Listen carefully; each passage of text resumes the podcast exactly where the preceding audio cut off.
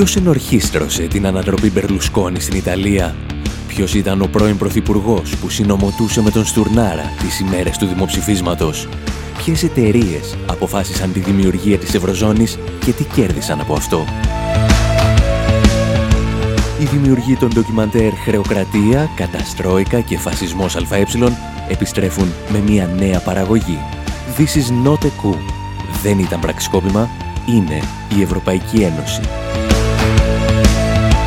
Μάθε πώς μπορείς να βοηθήσεις και εσύ την ολοκλήρωση του ντοκιμαντέρ στη διεύθυνση infowarproductions.com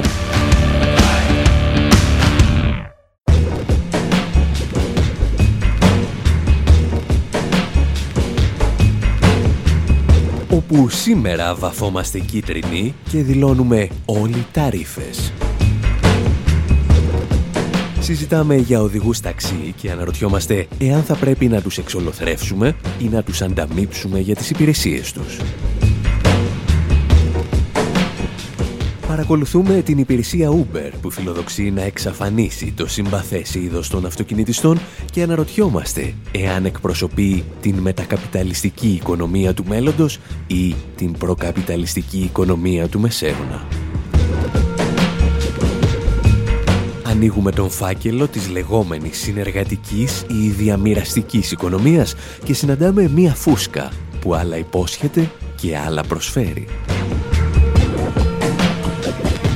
Και όλα αυτά τα κάνουμε με τη βοήθεια του Λένι Κράβιτς, του Ρόμπερ Ντενίρο και του Μάνου Χατζηδάκη. Πρώτα όμως θα μας επιτρέψετε να σκοτώσουμε μερικούς ταξιτζίδες.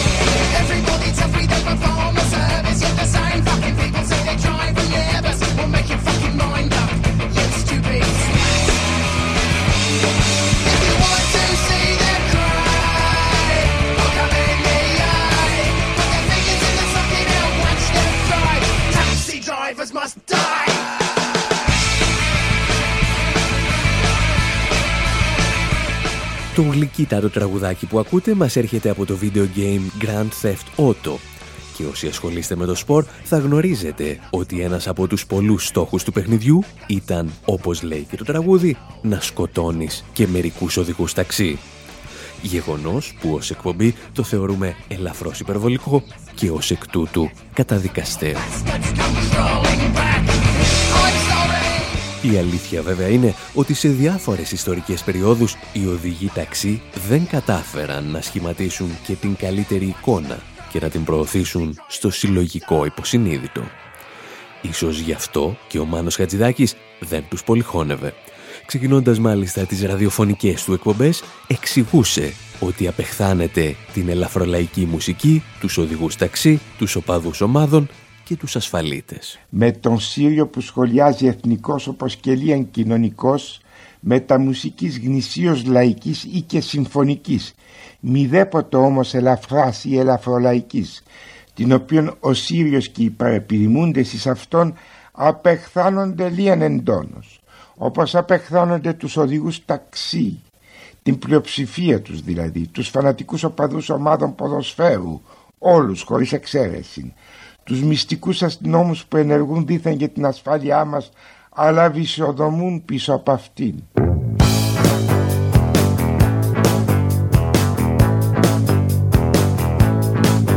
Mr. Cab Driver won't stop to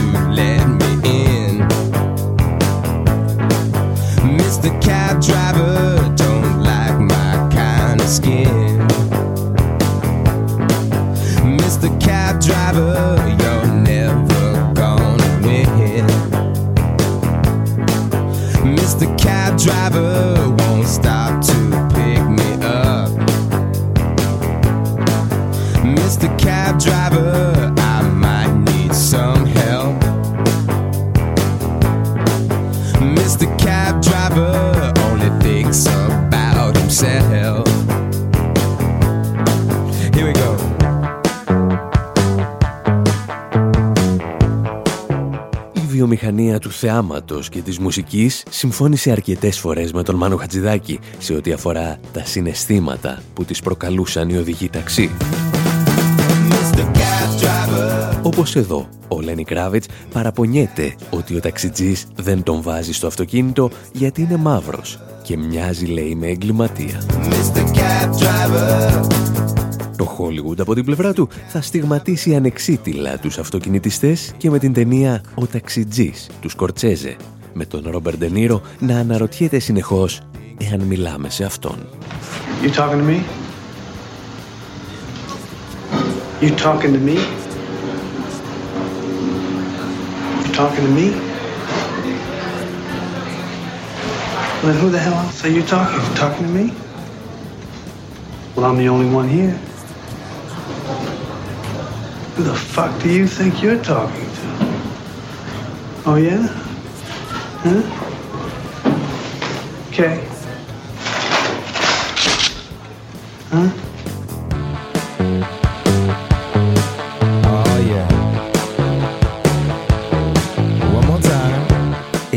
Πάντως η εικόνα για τους οδηγούς ταξί ήταν άσχημη τα τελευταία χρόνια, αρκετά μέσα ενημέρωσης και ορδές φιλελέδων τους τελευταίους μήνες έφτασαν την αντιπαράθεση στα άκρα.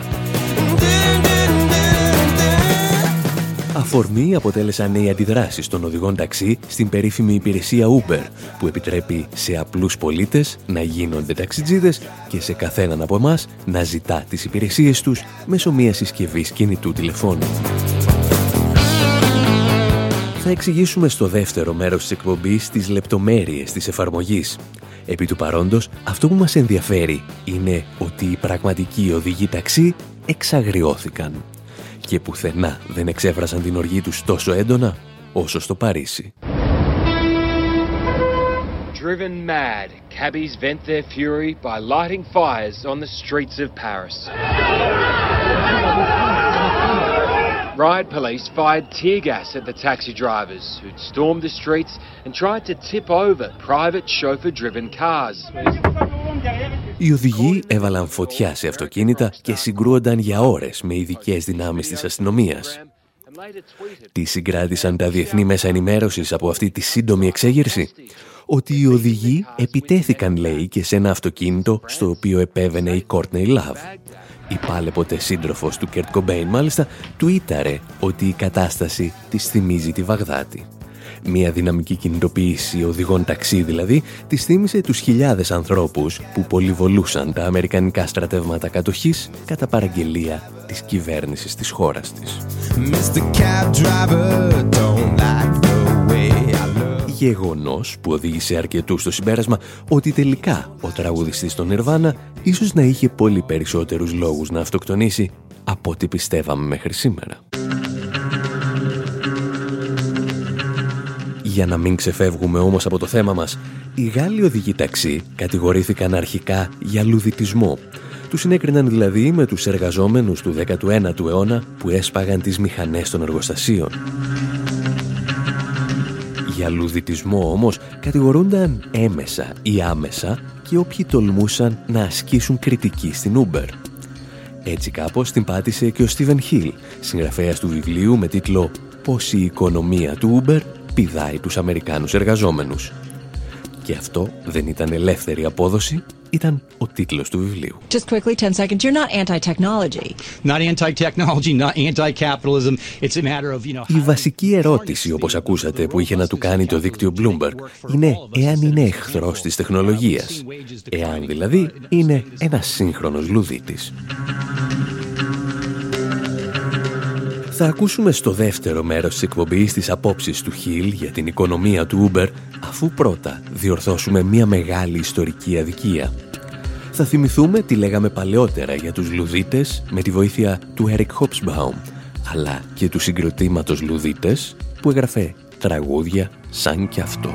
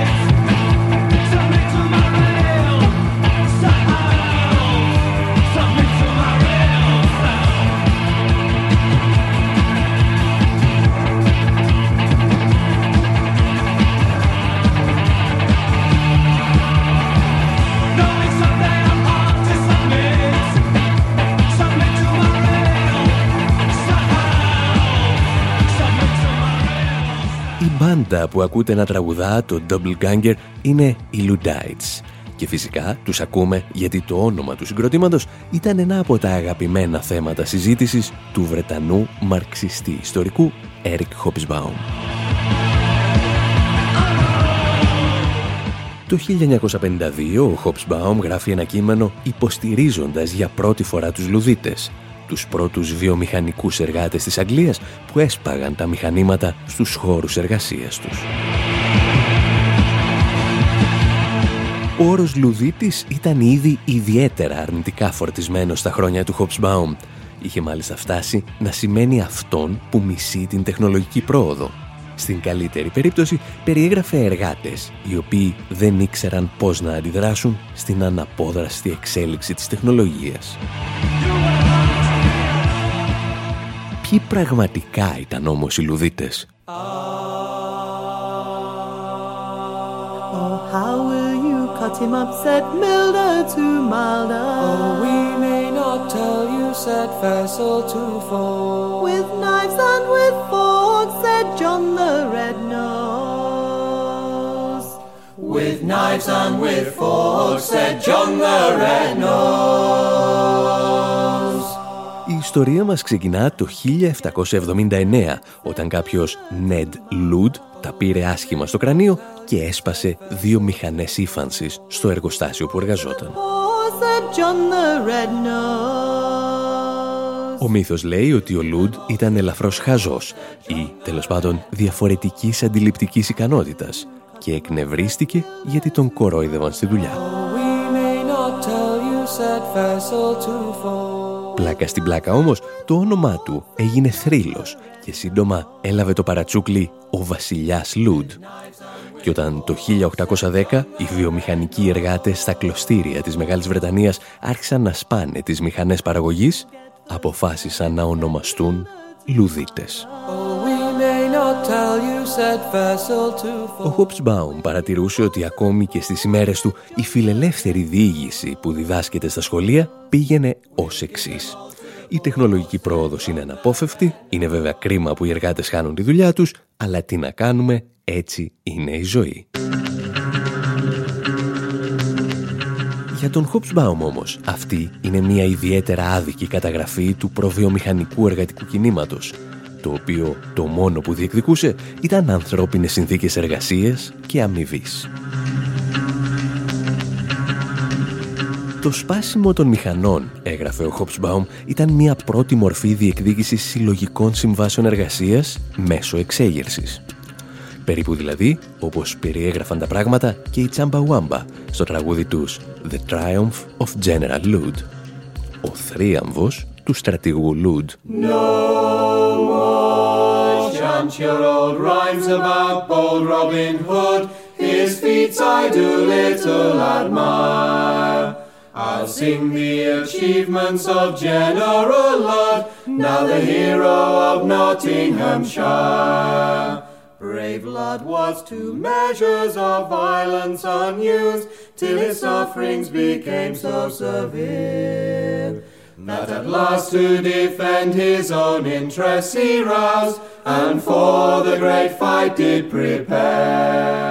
Ο Χόπσμπαουμ θα υποστηρίξει ότι οι εργάτες δεν κατέστρεφαν τις μηχανές επειδή δεν τις συμπαθούσαν ή γιατί τους έπαιρναν τη δουλειά, αλλά γιατί αυτό ήταν ένα από τα ελάχιστα μέσα που είχαν στη διάθεσή τους για να επαναδιαπραγματευτούν την εργασία που πουλούσαν στα αφεντικά τους.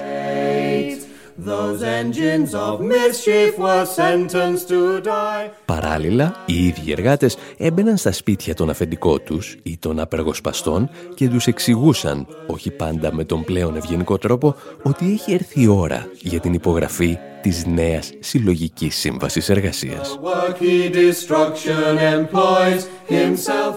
Μήπως αυτό είναι άδικο, βάρβαρο ή απάνθρωπο; Μάλλον όχι, αν σκεφτεί κανείς ότι εκείνη την εποχή οι εργοδότες πολύ συχνά διαπραγματεύονταν με τη βοήθεια του στρατού.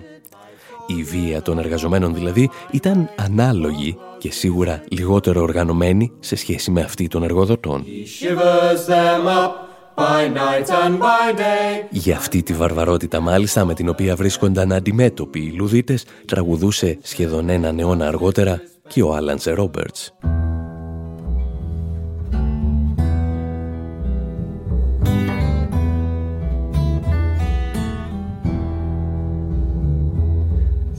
I dreamed a dream, a scurvy dream. A very, very scurvy dream. I dreamed I was Ned Lord last night. Αυτή η πρώτη μορφή μαχητικού συνδικαλισμού των λουδιτών θα συναρπάσει ορισμένα από τα πιο επαναστατικά πνεύματα της εποχής όπως τον Λόρδο Βύρονα, ο οποίος ενισχύει οικονομικά τους λουδίτες και γράφει για αυτούς και ένα πείμα.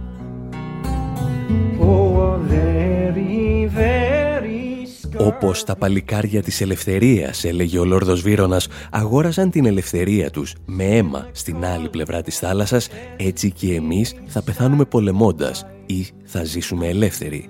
Θα διώξουμε όλους τους βασιλιάδες, εκτός από τον βασιλιά Λούντ.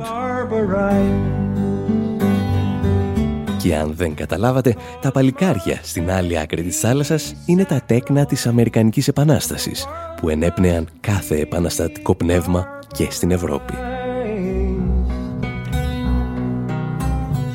Υποθέτουμε ότι σήμερα ο Λόρδος Βύρονας θα στήριζε τις μαχητικές κινητοποιήσεις των εργαζομένων στην Air France που άφησαν τον διευθύνοντα σύμβουλο της εταιρείας μόνο με τη γραβάτα όταν τους ανακοίνωσε περίπου 2.000 απολύσεις. Ίσως πάλι να ξυπνούσε και ο φιλελληνισμός του Λόρδου Βύρονα και να ετοίμαζε τις πρώτες μεγάλες απεργίες στην Ελλάδα ή στην Κύπρο. Εμείς όμως, για να μην ξεχνιέστε, σήμερα συζητάμε για την οικονομία της Uber και αφού ξεκαθαρίσαμε ότι οι λουδίτες, όπως και οι σημερινοί οδηγοί ταξί, δεν είναι εχθροί της τεχνολογίας και της πρόοδου, θα συνεχίσουμε με την πολιτική οικονομία του Uber και άλλων σχετικών υπηρεσιών. Θα δούμε εάν οι Γάλλοι οδηγοί ταξί είχαν τελικά δίκιο να τα κάνουν γυαλιά καρφιά στο Παρίσι ή εάν οι υπηρεσίες σαν την Uber αποτελούν τη νέα επανάσταση που θα φέρει το τέλος του καπιταλισμού, όπως τον γνωρίσαμε. Εσείς πάλι, κατά τη διάρκεια του διαλύματος, μπορείτε να ρίχνετε κλεφτές ματιές στο site μας, στο info.pavlawar.gr εκεί όπου συγκεντρώνουμε αρκετές ακόμη ασυνάρτητες σκέψεις σαν αυτές που ακούτε σε αυτήν εδώ την εκπομπή. Waiting at the station Two lonesome years I've been away Been serving my nation Haven't seen my baby since that day Hey taxi Over here buddy? A 1040 Washington Street, please. Yes, and hurry, Mr. Taxi Cab Driver. Taxi driver. The address is my baby's home. Taxi driver. I thought that I'd surprise her. I didn't even write all home. Taxi driver. Uh, two years ago, she made a vow that she'd be waiting for me. So hurry, Mr. Taxi Cab Driver. Don't your speed. Move on, Mr. Taxi Cab Driver. Move on. Then look, Mr. Taxi Cab Driver. Taxi driver. Your meter's reading two dollars beep. Uh, pretty soon I'll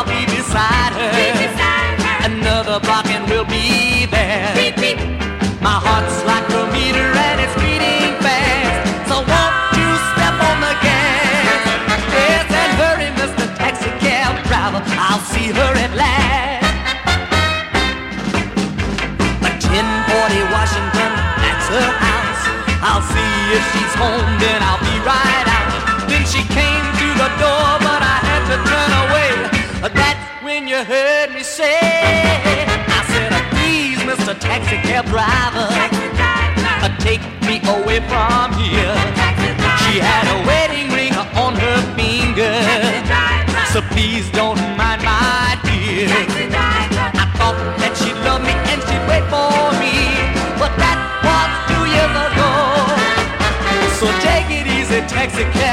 while. We got no place to go.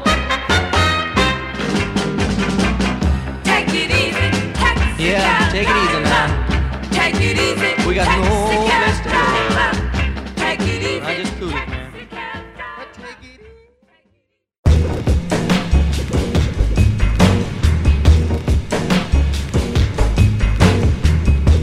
εκπομπή Infowar, μέρος δεύτερο.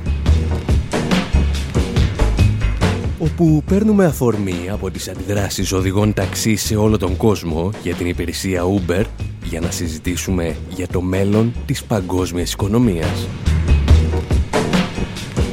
Διαφωνούμε με όσους πιστεύουν ότι η Uber είναι απλώς ένας τρόπος για να εξολοθρεύσουμε τους ταξιτζίδες. Διαφωνούμε όμως πολύ περισσότερο με όσους πιστεύουν ότι πρόκειται για μια επανάσταση που αναδιανέμει τα μέσα παραγωγής απειλώντας την ίδια τη δομή του καπιταλιστικού συστήματος. Και επειδή η ιστορία του Uber ξεκίνησε στην Καλιφόρνια, σκεφτήκαμε να δώσουμε στους Dead Kennedy στην ευκαιρία να ξεκινήσουν το δεύτερο μέρος αυτής της εκπομπής. Καλιφόρνια, Uber, άλλες.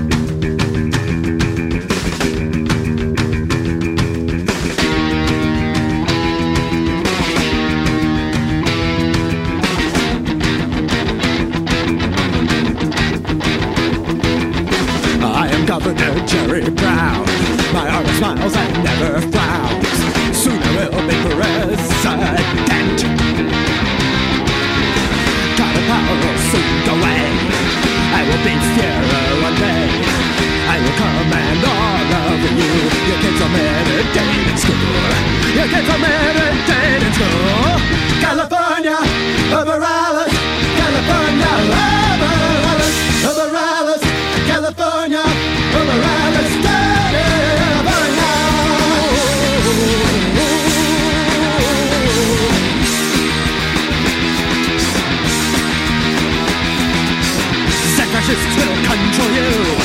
And the percent natural. You will draw for the master race. And always wear the happy face. Close your eyes, can't happen here. They go on while horses near The hippies won't come back, you say Mellow out oh, or you will pay Mellow out or you will pay California, Baralis, California, Baralis, Baralis, California, Baralis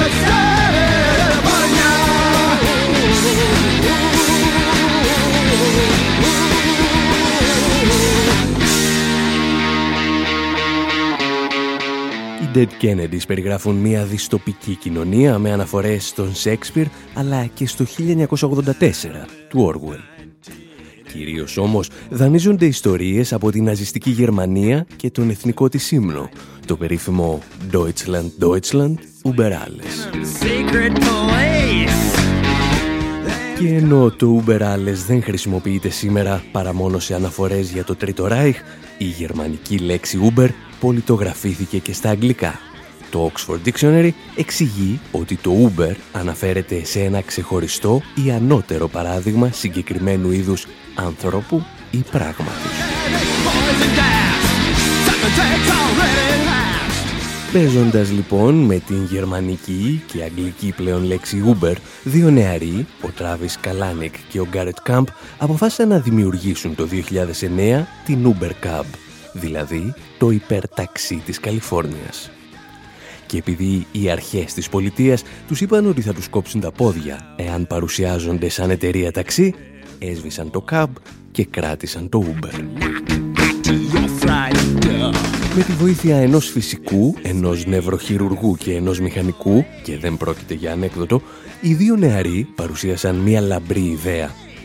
Θα φτιάξουμε, είπαν, μια εφαρμογή έτσι ώστε κάθε πολίτης που θέλει να εργαστεί σαν οδηγός ταξί να μπορεί να μεταφέρει κάποιον άλλο πολίτη που θα τον καλεί μέσω μιας ειδικής εφαρμογής σε smartphone. Η λογική είναι σχεδόν ίδια με το περίφημο Airbnb που σου επιτρέπει να νοικιάζεις στο σπίτι σου. Ο πελάτης πληρώνει την Airbnb, η οποία αφού κρατήσει ένα σημαντικό ποσοστό, δίνει με τη σειρά της τα χρήματα στον κάτοχο του σπιτιού. Και ενώ στην Ευρώπη το να κάνει ο καθένας τον ταξιτζή θεωρούνταν πειρατεία και είχε καταπολεμηθεί από τη δεκαετία του 50, στις Ηνωμένες Πολιτείες το ονόμασαν καινοτομία και άρχισαν να κάνουν λόγο για τη λεγόμενη οικονομία του διαμοιρασμού, το sharing economy. στο σημείο αυτό υποπτευόμαστε ότι η συγκεκριμένη καινοτομία του καπιταλισμού θα μπορούσε να περιγραφεί καλύτερα με τη λέξη φούσκα. Αλλά θέλουμε πρώτα να ακούσουμε και τη γνώμη μερικών ειδικών. Και θα το κάνουμε ύστερα από ένα μικρό διάλειμμα.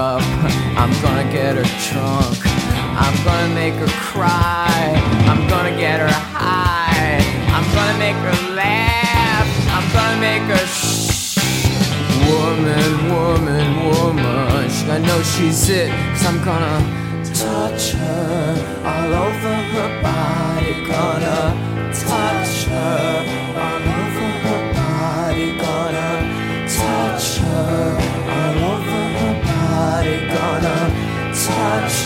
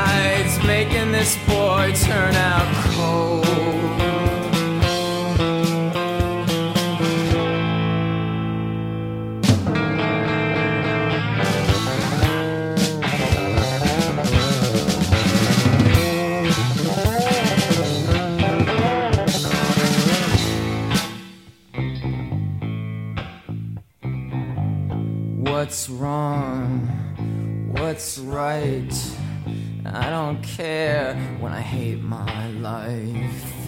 What's wrong? What's right?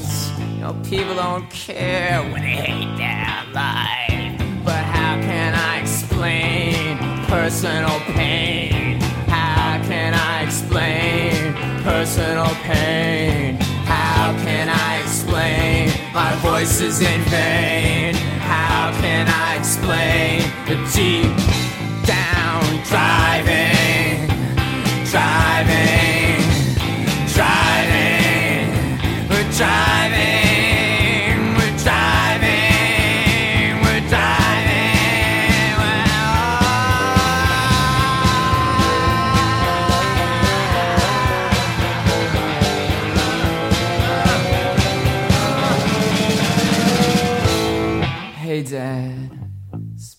Στην εκπομπή Infowar με τον Άρη Χατζηστεφάνου συζητάμε για την υπηρεσία Uber που φιλοδοξεί να μας μετατρέψει όλους σε ερασιτέχνες ταξιτζίδες. Τα προνόμια από τη συγκεκριμένη πλατφόρμα είναι βέβαια πολλά. Ο χρόνος αναμονής και το κόστος συνήθως μειώνονται. Ο πελάτης βλέπει στο κινητό του που βρίσκεται το Uber που θα τον παραλάβει, ενώ μπορεί να βρει κούρσα ακόμη και σε περιοχές που δεν πέρναγε ταξί ούτε για δείγμα. Όσο για τον ερασιτέχνη οδηγό, βρίσκει έναν τρόπο να συμπληρώσει το εισόδημά του. Κάπου εδώ όμως τελειώνει το παραμύθι και αρχίζει η σκληρή πραγματικότητα. Όπως εξηγούσε ο συγγραφέας Steven Hill, όλες οι έρευνες που κυκλοφορούν για την επανάσταση της Uber στηρίζονται σε αναξιόπιστα στοιχεία που προσφέρει η ίδια η Uber. First of all, all the numbers came from Uber. They say you can trust Uber's numbers about as much as you can trust China's and Greece's numbers. Καταρχήν όλα τα στοιχεία της έρευνας προέρχονται από την ίδια την Uber. Και όπως ίσως γνωρίζετε, τα στατιστικά στοιχεία της Uber είναι τόσο αξιόπιστα όσο και αυτά της Κίνας ή της Ελλάδας. Λέει παραδείγματος χάρη η έκθεση ότι οι οδηγοί βγάζουν 20 δολάρια την ώρα, αλλά δεν συνυπολογίζουν το κόστος για τον οδηγό.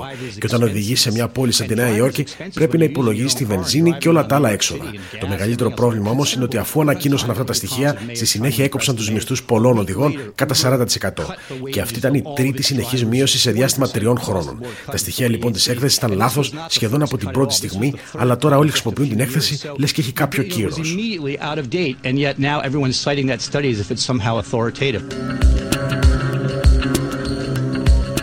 Μέχρι στιγμής λοιπόν δεν υπάρχουν αξιόπιστα στοιχεία για να αξιολογήσουμε την πορεία της Uber.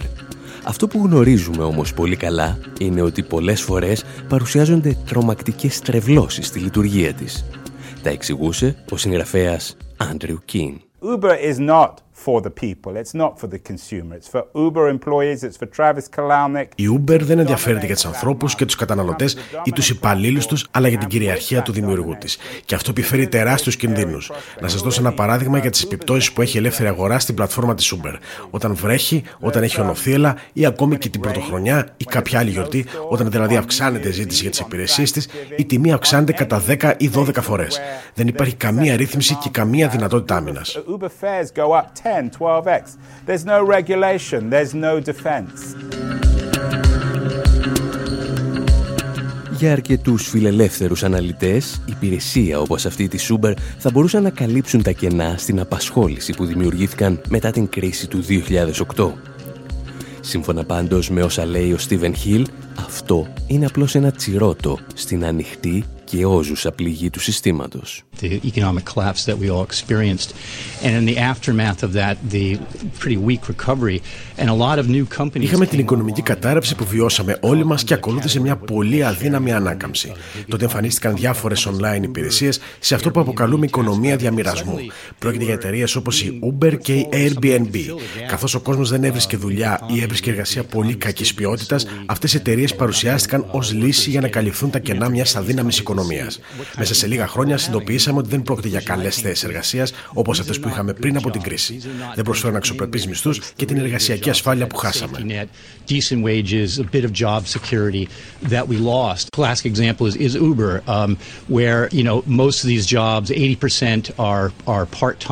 Τυπικό παράδειγμα αποτελεί η Uber. Το 80% των θέσεων που προσφέρει είναι μερικής απασχόλησης και οι μισές δεν ξεπερνούν τις 15 ώρες το μήνα. Οι περισσότεροι οδηγοί μένουν λιγότερο από ένα χρόνο στην υπηρεσία. Είναι προσωρινές θέσεις μερικής απασχόλησης και όταν οι οδηγοί καταλαβαίνουν ότι αυτό δεν λειτουργεί, ψάχνουν να βρουν άλλη δουλειά.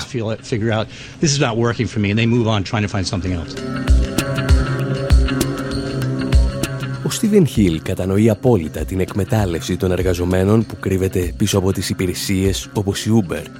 Φαίνεται όμως να σταματά λίγο πριν φτάσει στην ουσία του προβλήματος. Γι' αυτό θελήσαμε να ακούσουμε και την άποψη που διατύπωσε παλαιότερα ο Άντριου Κιν.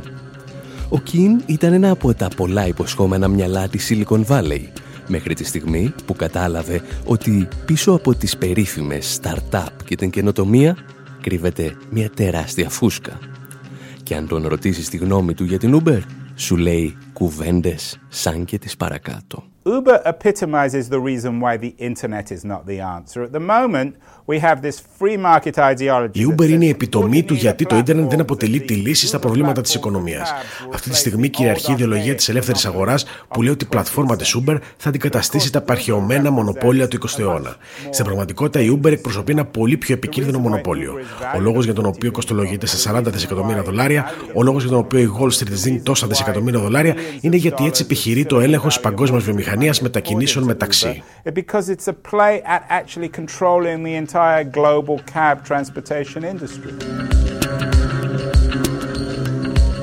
Ο Άντριου Κίν αρχίζει να μπαίνει στην ουσία του προβλήματος εντοπίζοντας τη δημιουργία ενός μονοπωλίου. Ίσως αν τον βοηθήσουμε με μερικές παλαιότερες σκέψεις του Καρόλου Μάρξ να καταλάβει τι πραγματικά συμβαίνει στη λεγόμενη σύγχρονη οικονομία του διαμοιρασμού. Θα το κάνουμε όμως ύστερα από ένα ακόμη μικρό διάλειμμα.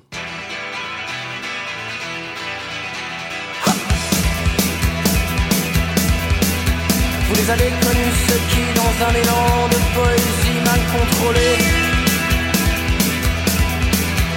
sans l'heure sur les boulevards, sur les banquettes de Moleskine, en s'en remettant au hasard, sans plus se soucier de Lénine, c'est à l'arrière de taxi.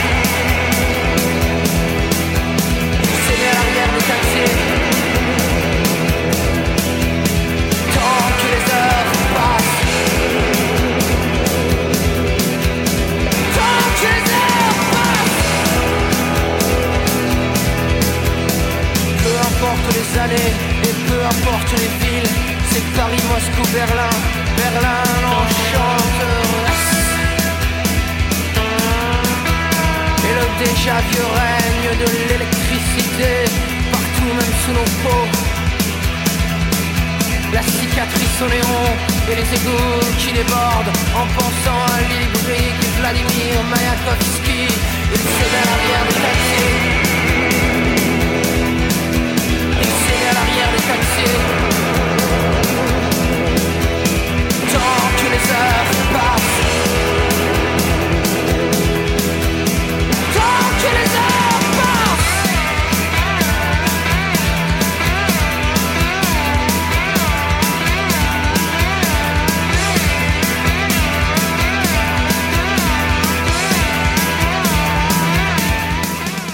Στην εκπομπή Infowar με τον Άρη Χατζηστεφάνου έχουμε αφήσει τους Noir Désir να τραγουδούν για το πίσω κάθισμα ενός ταξί και να ανακατεύουν στην ιστορία τους τον Λένιν και τον Μαγιακόφσκι.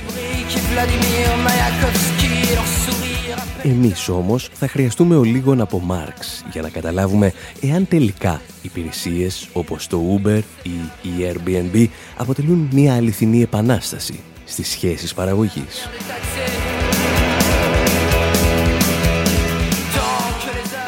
Οι θειασότες της λεγόμενης οικονομίας του διαμοιρασμού υποστηρίζουν ότι από τις τάχτες της κρίσης του 2008 αναδύεται μια νέα, νέα οικονομία που θα απελευθερώσει τις δυνάμεις του επιχειρήν και θα προσφέρει στον καπιταλισμό κάτι από την εφηβική του νιώτη. Καταρχήν, θα πρέπει να εξηγήσουμε ότι μιλώντας για υπηρεσίες όπως το Airbnb και το Uber δεν έχουμε μια οικονομία διαμοιρασμού περίπτωση διαμοιρασμού ήταν παλαιότερα το λεγόμενο couchsurfing, όπου έδινες στο σπίτι σου δωρεάν σε επισκέπτες και μπορούσες αντίστοιχα να μείνεις δωρεάν σε κάποιο άλλο σπίτι σε οποιοδήποτε σημείο του πλανήτη. Οι ελαφρώς παλαιότεροι ίσως να θυμούνται και τα λευκά ποδήλατα στο Μάη του 68 στο Παρίσι. Αφού έκανες τη βόλτα σου, το παράταγες όπου ήθελες και μπορούσε να το πάρει οποιοδήποτε για να πάει οπουδήποτε. Στη σημερινή περίπτωση του λεγόμενου διαμοιρασμού όμως έχουμε να κάνουμε με τους κλασικούς όρους της κατοχής των μέσων παραγωγής, της ίδιας της παραγωγής και της διανομής προϊόντων που γνωρίζουμε εδώ και αιώνες από τη λειτουργία του καπιταλιστικού συστήματος. Αυτό που πραγματικά συμβαίνει είναι ότι κάποιοι μετατρέπουν δικά μας προϊόντα σε ενοικιαζόμενες υπηρεσίες, από τις οποίες αποκομίζουν ένα κέρδος. Οι ίδιοι δηλαδή γίνονται αυτό που παλιά λέγαμε ραντιέριδες. Και αυτοί οι ραντιέριδες δεν παράγουν τίποτα. Απλώς κάθε φορά που εμείς νοικιάζουμε την περιουσία μας, αυτοί καρπώνονται ένα τμήμα του ενοικίου. Αυτό όμως δεν προσφέρει τίποτα απολύτως στην παραγωγή αξίας και την ανάπτυξη των παραγωγικών δυνάμεων. Για την ακρίβεια, είναι ο ορισμός της παρασιτικής οικονομίας. Ενώ όμως το οικονομικό σύστημα δεν αλλάζει, η εκμετάλλευση γιγαντώνεται, αφού πλέον δεν μεσολαβεί ούτε το κράτος, αλλά ούτε και τα συνδικάτα, που θα μπορούσαν να υπερασπιστούν τα δικαιώματα των εργαζομένων. Όπως εξηγούσε ο συγγραφέας Άντρεου Κιν, αυτό που συμβαίνει είναι ότι η ελεύθερη αγορά αποχαλινώνεται. All this free market libertarian ideology, this idea that the government is the enemy, that regulation is Όλη αυτή η φιλελεύθερη ιδεολογία της ελεύθερης αγοράς, η ιδέα ότι η κυβερνήση είναι εχθρός μας και ότι η ρύθμιση της αγοράς είναι εχθρός, επιτρέπει στην Uber να μην υπόκειται σε καμία ρύθμιση. Μπορεί να μας χρεώσουν όσο θέλουν και να μας εκμεταλλεύονται ως πελάτες. Με τον ίδιο τρόπο εκμεταλλεύεται και τους υπαλλήλου της. Δεν τους προσλαμβάνει και δεν τους παρέχει κανένα είδου ασφάλιση. Γι' αυτό άλλωστε και οι ίδιοι αντιδρούν γιατί βλέπουν την εκμετάλλευση.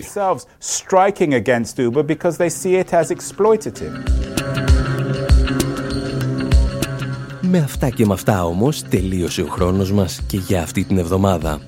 Αν σας λείψουμε στο ενδιάμεσο, μπορείτε πάντα να μας βρίσκετε στη διεύθυνση info.pavlawar.gr Μέχρι στιγμής, από τον Άρη Χατζηστεφάνου στο μικρόφωνο και τον Δημήτρη Σαθόπουλο στην τεχνική επιμέλεια, γεια σας και χαρά σας.